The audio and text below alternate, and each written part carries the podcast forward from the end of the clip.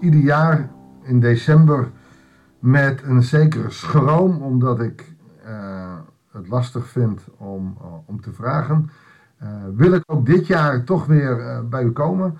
Niet degene die al stortingen doen. Er zijn al mensen die af en toe wat geven. er is iemand die elke maand geeft, er is iemand die af en toe wat doet. Helemaal geweldig. Met dat geld kan ik de eerste onkosten, de jaarlijks terugkomende, sowieso al doen. Maar goed, ik heb nu een nieuwe app en ik mag die nog uitbreiden. Er zitten wat kosten aan verbonden. Dus ik zou heel graag weer een beroep doen op uw vrijgevigheid. Dat hoeft niet. Als u het niet heeft, als u niet wilt, geen probleem. Ik neem niets kwalijk. In de app, uh, het is trouwens ook niet voorwaardelijk. Hè? Je mag altijd gratis blijven luisteren, gratis de app downloaden. In de app staat in ieder geval uh, wat het is, Stichting Assar. Het rekeningnummer bij de Rabobank en dan onder vermelding van of de naam van Bijbels Dagboek app. Zet dat er wel bij, anders komt het bij de stichting op het algemene pot en dan komt het niet ten goede van de, uh, het Bijbels Dagboek.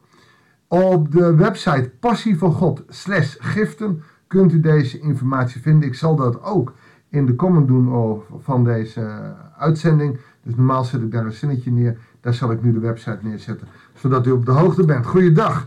Hartelijk welkom, excuses voor uh, deze wat wereldzakelijke opmerking. Ik wil uh, u hartelijk uitnodigen voor een nieuwe uitzending van het Bijbels Dagboek. En we doen dat vandaag nog uit Jesaja. Jesaja 14, vers 24 tot en met 32. Je weet wel dat gedeelte van 14 wat begon met een spotlied. Daar gaan we nu uh, het einde aan breien. Allereerst nog over de Assyriërs en daarna ook over de Filistijnen. We lezen vanaf vers 24. De Heer van de hemelse machten heeft gezworen, voorwaar het zal gaan zoals ik heb bepaald. Het zal gebeuren zoals ik heb besloten. Ik breek de Assyrische heerschappij over mijn land. Ik verbrijzel Assyrië op mijn bergen. Het blijft lastig. Hij heeft Assyrië gebruikt om Israël te onderdrukken, om de straf die Israël verdiende uh, over hen uit te spreken en over hen uit te voeren. Alleen Assyrië ging ermee aan de haal. Ze deden wat goed was in hun ogen en luisterden niet naar een God die hun die macht gaf. En dat neemt hij Assyrië kwalijk, omdat ze, hij zegt: Dit is wel mijn kind.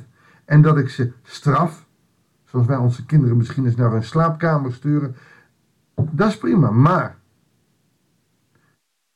Jij mag niet doen en laten wat jij wil. Dus zo verbrijzelt hij Assyrië op zijn bergen. Mijn volk wordt van zijn juk bevrijd. En die last wordt op Assyrische schouders genomen. Oftewel, de last van de, eh, de onderdrukking zal overgaan op Assyrië. Dit is het besluit dat geval is over heel de aarde. Dit is de hand die opgeheven is tegen alle volken. En wanneer hij dit besloten heeft, de Heer van de hemelse machten, wie zal het dan verijdelen? Wanneer hij zijn hand opheft, wie zal hem tegenhouden? En ik weet niet hoe het met jou is, dan moet ik meteen denken aan Matthäus 23, waar er staat: De aarde is slechts zijn voetenbankje. Als je het dan hebt over wanneer hij zijn hand opheft, wie zal hem tegenhouden? Hoe groot, hoe huge. Als God tegen je is, wie zal er dan nog voor je zijn? Maar ook andersom, als God voor je is, wie zal er tegen je zijn? De Assyriërs kunnen van alles doen. Maar uiteindelijk is het God die zegt maar dat overgebleven gedeelte ga ik redden. Waarom? Ik heb het beloofd. Dus ze ontkomen niet aan hun straf. Zelfs in de ballingschap zegent hij het volk. Pas je aan, koperhuisje, ga er wonen, trouw, krijg kinderen en word gezegend. Maar er komt ook genade. En telkens wanneer de maar staat in de Bijbel, is dat genade. En hier profiteert hij de genade. En wie ook wie maar denkt dat tegen te kunnen werken, zal het verijdelen. Het is de Heer van de hemelse machten. Yahweh Sebaot. Het is de God die grote legere machten heeft en engelen. En die hoeven maar te verschijnen. te wapperen met hun vleugels. En een leger valt om.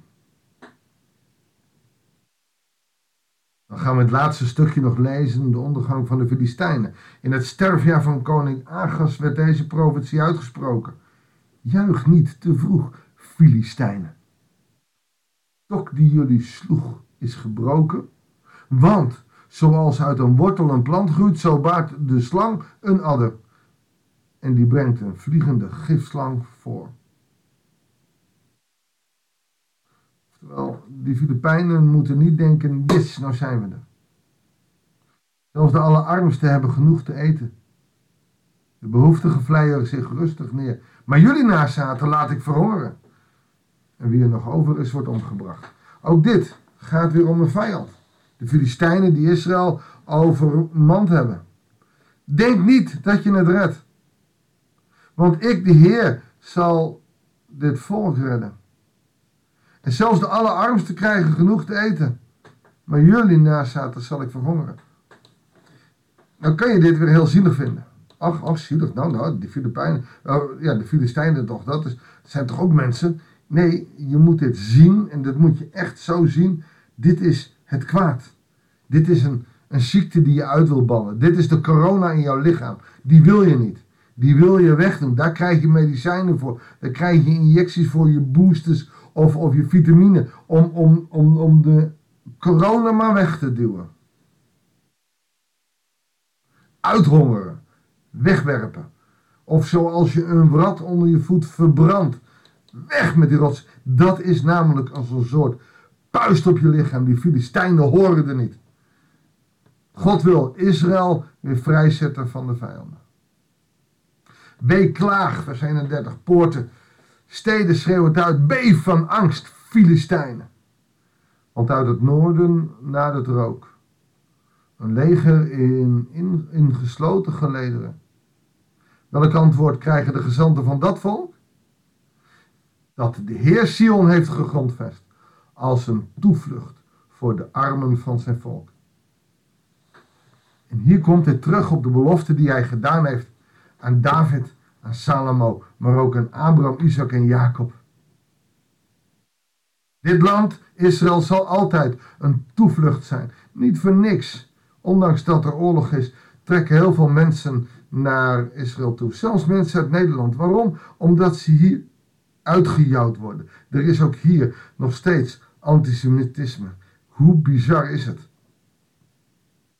Daar gaat dit gedeelte over.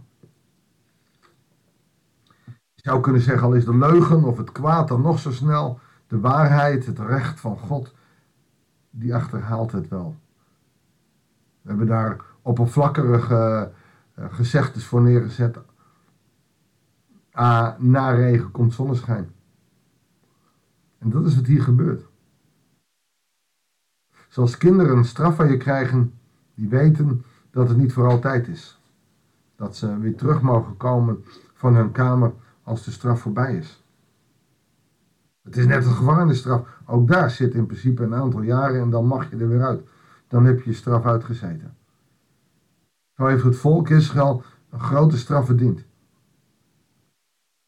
Maar de strafopleggers, de Filistijnen, de Syriërs, de Babyloniërs, die maakten dat erger. En dat is een gruwel in de ogen van God. En zo zie je dat hij zelfs, als je het niet verdient, als die straffer is, God er nog weer bij is. Zelfs deze gruwelijke verhalen vanuit Jesaja, die profetieën, laten zien dat zelfs in ballingschap God er gewoon bij is. Wat een geweldige God. We prijzen en loven zijn grote naam. Halleluja. Mag ik met je bidden? Heere God, zo'n ballingschap, zo'n straf is, is niet fijn.